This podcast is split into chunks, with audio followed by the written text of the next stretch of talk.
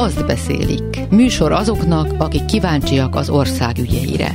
A szerkesztő műsorvezető Józsa Márta. Szeged boldog Karikó Katalin Nobel-díja miatt közben a helyi Fidesz új elnököt választott egy volt DK-s egyiptomi üzletember személyében.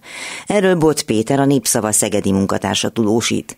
Huszka Imre a kaposté.hu-tól elmondja, a város nagy büszkesége lehetne az ott éppen 20 éve kezdődött színészképzés. A mostani kurzusbarát egyetemi vezetés azonban mindezt elhallgatja, és a diákok előadásaiból sem kaphat már a közönség ízelítőt. Betlen Tamás, a Borsot24.hu újságírója arról számol be, hogy hatalmas a fesztivál dömping a megyében. Kérdés, hogy ez összefügge a közelgő választásokkal. Bot Péter van itt a Népszava munkatársa Szegedről. Fidesz környékén történteket Fidesz szempontjából nem különösen sikeres városban már elkezdtük taglalni, de azelőtt azért mondj nekem egy mondatot arról, hogy hogy érzi magát Szeged és az egyetem, amióta Karikó Katalin Nobel-díjat kapott. Azt talán túlzás lenne mondani, hogy eufória van, de tényleg nagyon jó érzés. Egyébként tavaly várták azt, hogy szinte azon nyomban megkapja, akkor a rektori hivatalban volt is egy teljes helyi sajtót meghívták, és ott ugye a, a stokholmi bejelentést közvetítették, meg fölvonult az egyetemnek a teljes vezérkara. Ott volt egy picit csalódottság, hogy, hogy nem kapta meg, de Hát ugye akkor is mindenki tudta, hogy a Nobel-díj bizottság az most bármelyik tudomány ágban, vagy akár művészeti ágban tevékenykedik, azért a döntései jellemzően nem gyorsak, így mondjuk idén nem volt ilyen sajtóesemény okulva a tavalyi dolgokból. De lesz. De nyilvánvalóan lesz. Egyrészt ugye Karikó Katalin a város díszpolgára. Tényleg a város a tenyerén hordozza, de ezt most a szó legjobb értelmében mondom, mert ha valaki megérdemli, hát ő aztán ő biztosan. Másik az, hogy, hogy, hogy ő is nagyon-nagyon meleg szívvel emlékszik vissza a Szegedi éveire, az egyetemre, illetve hogy a, a Biológiai Kutatóközpontban dolgozott, és ezt ő egyébként mindig is hangsúlyozza, hogy nagyon fontos az, az ő, ő szakmai pályafutásában a Szegedi Egyetem és az ott tanultak. Az, amit ugye szerintem minden rádió hallgató tud, hogy egy végtelenül szeretetre méltó emberről van szó, aki nyilván a várossal, a városvezetéssel, az egyetemmel, az egyetemvezetéssel is egy pillanat alatt megtalálta a hangot, és az elmúlt egy-két évben több alkalommal járt Szegeden, és a végtelenségek soráig adta az interjúkat, és át a sajtó rendelkezésére. Igen, és hála Istennek a Klubrádió vendége is volt. Eredetileg azzal a témával jelentkeztél, hogy ebben a, hát, hogy mondjam, fideszes kapkodásban, ami történik nálatok, találtak egy új Fidesz elnököt, akinek a szakmája növénynemesítő, a nacionália azt hiszem, hogy egyiptomi, vagy legalábbis olyan származik, 31 éves, Rádi Feriznek hívják, mit kell erről tudni, ja, és hogy korábban a DK-val volt legalábbis jó viszonyban, szóval, hogy ez egy elég érdekes fejlemény Szegeden, nem? Több mint érdekes fejlemény, sőt, én annyival pontosítanálak, hogy a DK-nak a tagja volt, sőt, több olyan sajtót feltételezés is él, hogy technikailag még jelenleg is a DK tagja, tehát lehet, hogy hogy több hónapja nem politizál, vagy aktívan nem vesz részt a DK-nak a, a tevékenységébe, de még a polgármester Facebook posztján is, ha jól emlékszem, ugye elhangzott az a feltételezés, hogy talán ez a pártagság ez nem is szűnt még meg, ami hát nyilván ugye még külön pikánsá teszi azt, hogy valaki a másik oldalról jön, a Fidesznek a városi elnöke lesz. Eléggé bombasztikus volt maga a bejelentés, mert Rádi Ferisz a városi közéletből nem nagyon lehet ismerni. Amit tudtak róla, az nyilván az, hogy dk volt, illetve itt a Momentumnak a városi vezetői emlékeztettek rá, többen is, hogy nem pusztán dékás volt, hanem nagyon-nagyon harcosan Fidesz ellenes, és nagyon sarkos véleménye volt a Fideszről. Ugye annál jobban csodálkoznak azon, hogy most éppen Fidesz városi elnöki tisztségben tűnt föl. Azt is jellemzőnek gondolom, hogy a sajtó minden eddigi érdeklődését elhárította, többen kértek tőle interjút, szeretek volna vele beszélgetni, szerették volna őt megszólaltatni. Ő azzal hárította hogy beteg és hogy erre később térjenek vissza, hogy ez mennyire fedi a valóság valóságot mennyire nem, én nem tudom, de nyilván olyan helyzetben van, amikor már meglehetősen furcsán adja azt ki magát, hogy a sajtó érdeklődését valaki elhárítja. Hogy értelmezzük ezt a dolgot, hogy egyszer csak valahogy a DK-ból valaki a Fideszben potyan le, ekkor a káderhiány van a Fideszben, hogy ennyire együttműködik adott esetben a DK a fidesz vagy hogy megvették, vagy hogy hirtelen megvilágosodása támad. Szóval mi van? Nyilván más fejébe, lelkébe nem látok bele. Azt tudom mondani, amit újságíró berkekben beszélnek, de talán azon túl is beszélik, a Fidesz egyszerűen elengedte Szegedet. Tehát, hogy Szegeden eddig sem tudott győzni, lehet, hogy Rádi Feri személye azt jelzi, lehet, hogy tulajdonképpen ezt az önkormányzati választási harcot, kampányt ők már előre elengedték, bedobták, tudják, hogy itt nem fognak nyerni. Nagyon könnyen lehet, hogy csupán ennyit jelent az, hogy egy politikában ismeretlen, járatlan, rendkívül fiatal, a városban egyáltalán nem ismert embert tesznek meg városi elnöknek, mert nyilván az ember okkal gondolhat arra, hogy egy, egy városi elnök az majdan lehetne polgármester jelölt, vagy országgyűlési képviselő jelölt, nyilván nem automatizmus, de azért ezeket a bejáratott pályákat azért ismerjük. Most Rádi Felizről nagyon nehéz elképzelni, hogy azzal a gyakorlatilag 0,1%-os ismertséggel, amivel ő rendelkezik, ő komolyan ringbe szállhat mondjuk polgármesteri tisztségért. Szeretnék visszautalni egy korábbi beszélgetésünkre. Azt lehetett hallani a városban, hogy több független értelmiségit megkerestek a Fidesz városi vezetői, próbálva őket rábeszélni arra, arra, hogy vállaljanak. Igen, erről már beszéltünk, így van, és nem vállalták. És nem vállalták, és csak ez azért ismétlem el, mert lehet, hogy ez, a, ez az ismeretlenségből elő, előbukkanó egyiptomi származású rádi feriz, ez, eh, hogy mondjam, tulajdonképpen ennek a történetnek a folytatása, hogy, hogy ez a káderkeresés sikertelen volt, így aztán lett ő. Azt beszélik. Műsor azoknak, akik kíváncsiak az ország ügyeire. Huszka Imrével beszélgetek, Kaposvár ott van ő a kapostéphu-nak a szerkesztője. Azt mondott, hogy nagyon-nagyon kevesen és nagyon kevés helyen emlékeztek meg arról, bárhol is, hogy 20 éves a Kaposvári színészképzés, amelyik az első határon belüli alternatívája volt a Színművészeti Egyetemnek. Miért nem beszélnek erről? Ugye Bavarci László és Leitner Sándor indították ezt a képzést, nagyon nagy nevű emberek voltak ott. Igen, valóban így van. Ez a jeles évforduló, azért felül általában meg szoktak emlékezni. Évtizede indult a Kaposvári színészképzés 2003-ban, lényegében sem a helyi sajtóban, sem az országosban én biztos, hogy nem láttam nyomát, pedig igyekeztem azért utána nézni, hogy bárki megemlékezett volna erről, és attól tartok, hogy ennek az az oka, hogy mivel itt egy radikális váltás volt 2012 környékén. Nevezzük ezt Vidjánszki Attilának.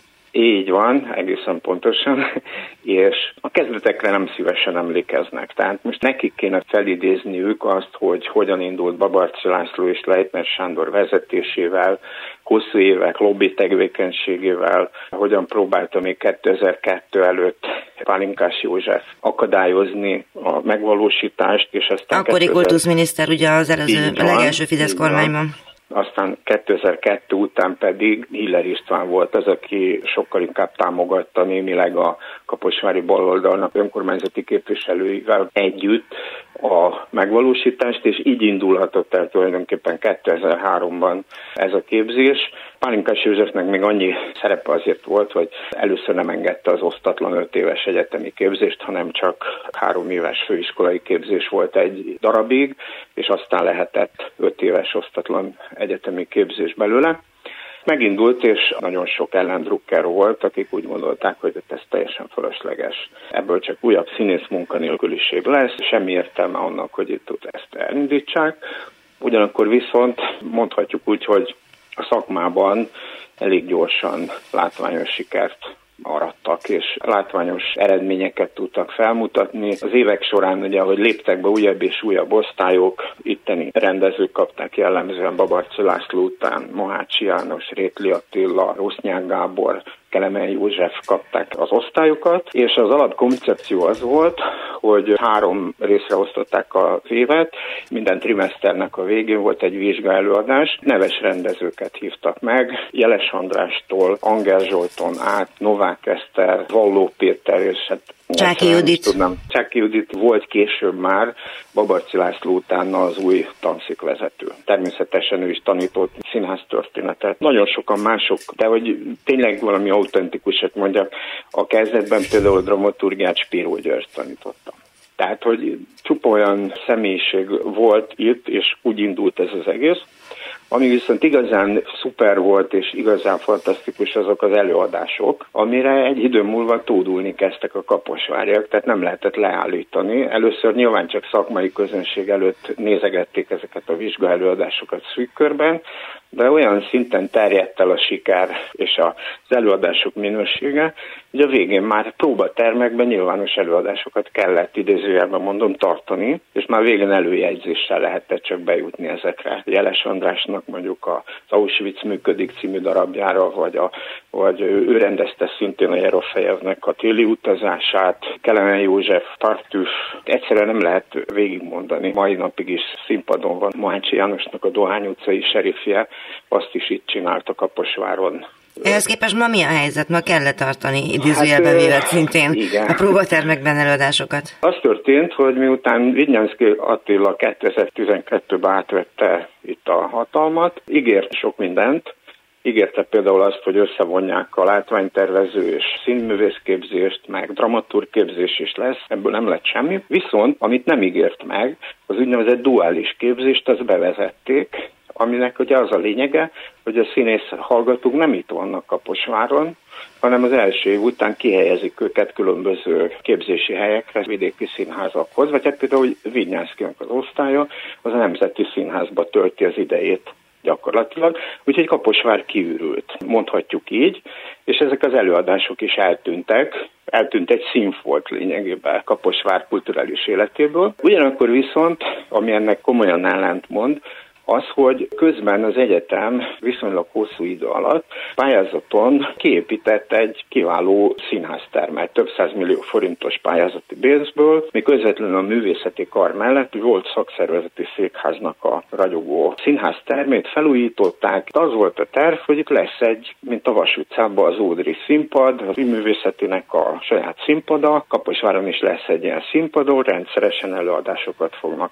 tartani, és kis kulturális központként működik. Hosszú idő után végül is 2017-ben sikerült is átadni akkor már ugye Virnyánszki Attila volt itt az intézetvezető. Sikerült is átadni ezt a termet, de már előadások nem voltak. Előadások szorványosan talán összesen egy vagy két alkalomra emlékszem, amikor egyáltalán használták ezt a színháztermet, és most oda lyukadtunk ki, nemrég, tulajdonképpen talán egy hónapja, hogy az egyetem nehéz gazdasági helyzetre való hivatkozással kiadta bérbe ezt a pályázati pénzből felújított, felszerelt színháztermet vállalkozónak. Hogy Aki mit csinál benne? Annyira nem rossz, amit csinál, mert zenés produkciók vannak, a nyitókoncert Bagosi Brothers volt, jönnek stand-uposok, más zenekarok, Alex és így tovább, de ez mégiscsak egy kereskedelmi produkció, kávézót nyitottak és egyebeket, aminek most ugye az a lényege, hogy a színészképzés megmaradt továbbra is ezen a takaréklángon, és ezt a kiváló helyszínt, ami tényleg azért épített ki az egyetem, hogy itt egy egyetemi színpad legyen, az viszont most már elveszett, és egy kereskedelmi szórakoztató központ lett belőle. Azért nagyon sokan emiatt csalódottak, és ez hiányzik a város életéből. Beszéltünk már arról, hogy Kaposvár, mintha elengedni a kulturális hagyományait, akkor ez egy újabb lépcsőfok ebben. Hogy ez egy újabb lépés afelé, hogy kulturális produkciókat és kulturális értékeket hagyunk szépen kicsúszni a kezünkből, így van. Azt beszélik. Műsor azoknak, akik kíváncsiak az ország ügyeire. Betlen Tamás van itt Miskolcról, borsod24.hu, borsod abói Zemplén megyében. Ez a szezon, ami most kezdődik, ez igazából a születi szezon, de ez egy fesztivál szezon is. Miért, hogyan alakulnak ki ezek a fesztiválok, mennyire lettek vonzerők a mindenhonnan érkező emberek számára? Úgy látom, hogy nem csak borsod Zemplén megyében rendeznek szinte minden hétvégén fesztiválokat. Szembetűnő, hogy milyen nagy a kínálat, főleg így a, talán kijelenthetjük, hogy az önkormányzati választásokhoz közeledve nincs olyan település, amely ne találnak egy vagy több, akár egy tucat fesztivált is magának, hogyha a költségvetése megengedi, és hogyha úgy látja az adott városvezetés, hogy van értelme ilyen eseményeket összehozni. Meg kell, hogy mondjam, hogy Borsodabó Zemplénben akkor is van fesztivál, hogyha netalántán különálló rendezvényt nem szerveznének, hiszen Tokajban létezik egy fesztivál Katlan nevű helyszín, ahol főleg nyáron minden hétvégén koncertek nagyon vannak. Különleges fellépők, nagyon-nagyon jó hely, nagyon hangulatos, mint egy amfiteátrum, fantasztikus háttér és egy pár lépésre jó néhány pince is megtalálható a fesztivál Katlanhoz. Miskolcon a múlt hétvégén rendezték a Miskolci Piknik nevű fesztivált, gasztroi zenei fesztivál, így definiálták a szervezők. Nem a város volt a szervező, de nagyon komoly támogatást adott a rendezőknek ennek az eseménynek az összehozásához. Ez egy hétvégi háromnapos rendezvény volt, ahol gyakorlatilag minden volt, ami szemszájnak ingere, enni, indivalók, ez gyakorlatilag a teljes főutcát szinte leszette árusokkal, ugye Miskolcon sétál utca a főutca, és ilyenkor a villamos közlekedés is megszűnik, ami egyébként normál esetben a sétáló utcán zajlik.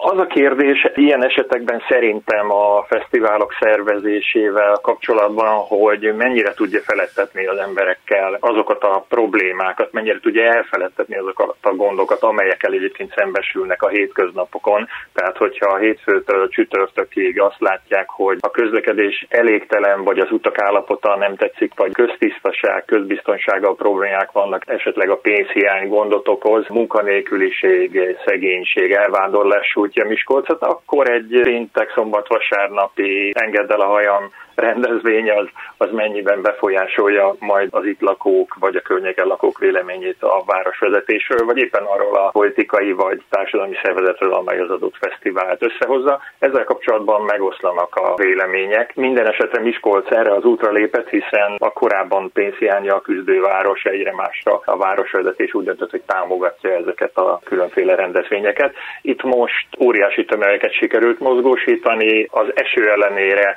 nem lehetett beférni az ingyenes koncertre, és a többi koncerten is teltház volt a Városház téren. Egy Majka koncert volt egyébként ez az esemény, és most először a megye történetében egy drón show, igaz, hogy nem olyan látványos és olyan nagy, mint az augusztus 20-ai budapesti zárta az eseményt. Kiderítettük a Borsot 24-nél, hogy ez egy ilyen 3-4 millió forintos mutatvány. Meg kell jegyezni, hogy mindenképpen kicsit kíméletesebb, mint a máshol szokásos tűzijáték. Valóban, legalább a kutyák nem rémülnek meg tőle. Ami azt mutatta, hogy itt valamiféle politikai hatás is van a szervezőkre, az az, hogy a nyitó felvonulás élén én felfedeztem helyi önkormányzati képviselőket, tehát ők sétáltak a felvonuló emberek előtt, valamint az is érdekes színfolt volt, hogy Verespál polgármester is a színpadra szólították egy látványfőzés erejéig. Olyan produkciók kerültek előtérbe, amelyek azért az elmúlt négy évben nem lehet mondani, hogy túl gyakoriak voltak. A már említett Kocsonya Fesztivál, ami egy tavaszi rendezvénye Miskolcnak, de ugye a Covid és egyéb okok miatt egy jó pár évig szünetelt ez a rendezvény. Az is életre kelt, ugyanilyen nagy sikerrel zajlott, és talán ennek az ízére érzett rá a város, amikor úgy döntött, hogy egy őszi fesztiválra is szükség van. Állítólag 100 millió forint közeli támogatást nyújtott a rendezőcégnek, és akkor azt is hozzá kell számolni, hogy a városi cégek is segítettek bőségesen a lebonyolításban, illetve jártam a kertemben a kereskedőkkel is beszéltem a fesztiválon, és említették, hogy a normál helypénznek ezúttal csak a felét kellett kifizetni, tehát mindenféle szempontból ideális volt a tömegek számára ez a rendezvény. Mi a helyzet a környező településeken? Ugye Tokaj hegyalja, Borvidék, Tája, stb., amit mondtam is, hogy hát ugye a szüreti szezon van, lehet, hogy ez egy plusz apropó arra, hogy megmutassák magukat az ottani politikusok, és úgy vágjanak neki a közelgő önkormányzati választási kampányba, hogy már van egy piros pontjuk az ellenőrzőjükben. Én nem vagyok róla meggyőződve, kíváncsi lennék a te véleményedre is, hogy ez vajon valóban piros pontot ére majd egy fél év múlva. Szerintem ezen sokat lehet vitatkozni, hogy, hogy mennyire hatékony. Minden esetre mindenki használja teljes erővel. Például szerencsen az Artur napok című fesztivál fut, ami az én becslésem szerint két-háromszor nagyobb költségvetéssel zajlik, mint a Miskolci, ami elég fura egy Miskolcnál jóval kisebb település esetében, de ugye ott egész Tokaj hegyaját próbálja megszólítani egy bizonyos Konzsófia nevű képviselőasszony, és elég nagy sikerrel, tehát gyakorlatilag olyan felhozatal tud produkálni programokban és zenei előadókban, amelyet megkockáztatom, hogy még Miskolc sem tudna finanszírozni. Bár ő éppen nem siker... kampányol, mert ő parlamenti képviselő. De szisztematikusan, folyamatosan minden évben augusztus végén megrendezik. Ugye az Artúr napok analógia a szerencsi csokoládére, Artúr tudjuk, hogy szerette a, a csokit rendkívüli módon a rajzfilmfigura, és akkor Artúr napok néven fut ez a rendezvény. Ugyanez egyébként a taktikája nagyjából Kazint Varcikának is az ottani városvezető és a Color City nevű fesztivált rendezi meg, de ez a fesztivál egész nyáron tart, nem olyan sűrű és feszített a program, mint az eddig felsorolt helyeken. Kulturális és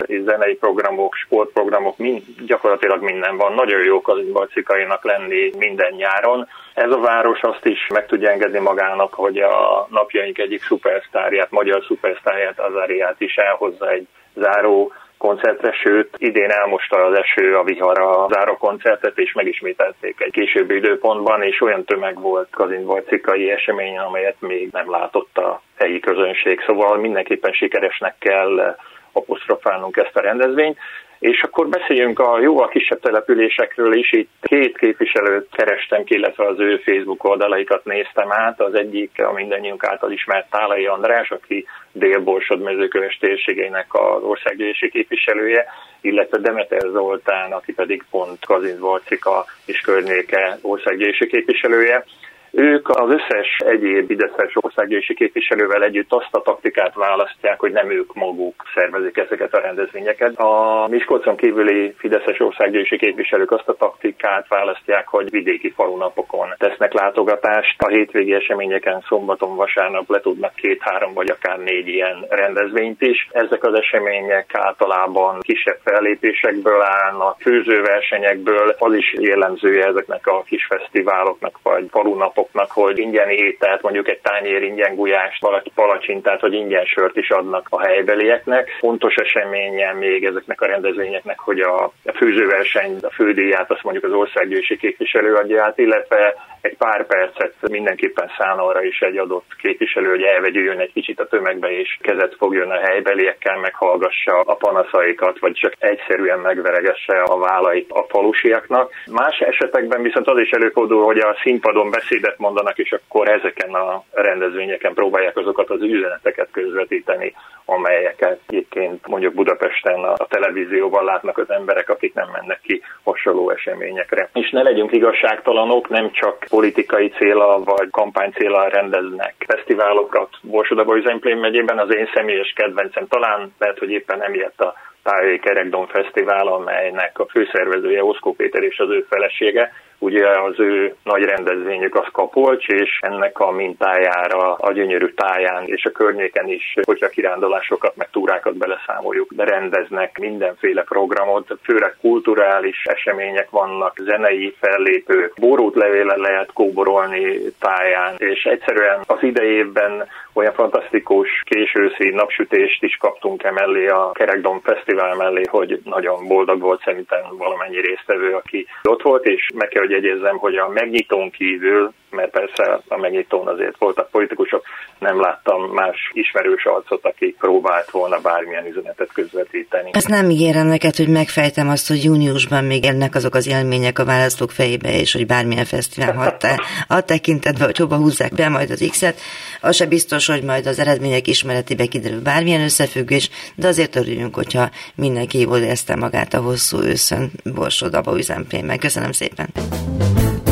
Kollégáimat Szegedről Bot Pétert, a Népszava munkatársát, Kaposváról Huszka Imrét, a kaposté.hu újságíróját, Miskolcról pedig Betlen Tamást, a Borsot 24.hu szerkesztőjét hallották. A műsort Lehocki Miriam szerkesztőtársam, valamint Rózsa Egyi Gábor technikus segített elkészíteni, a szerkesztő műsorvezetőt Józsa Mártát hallották. Azt beszélik című műsorunkat hallották.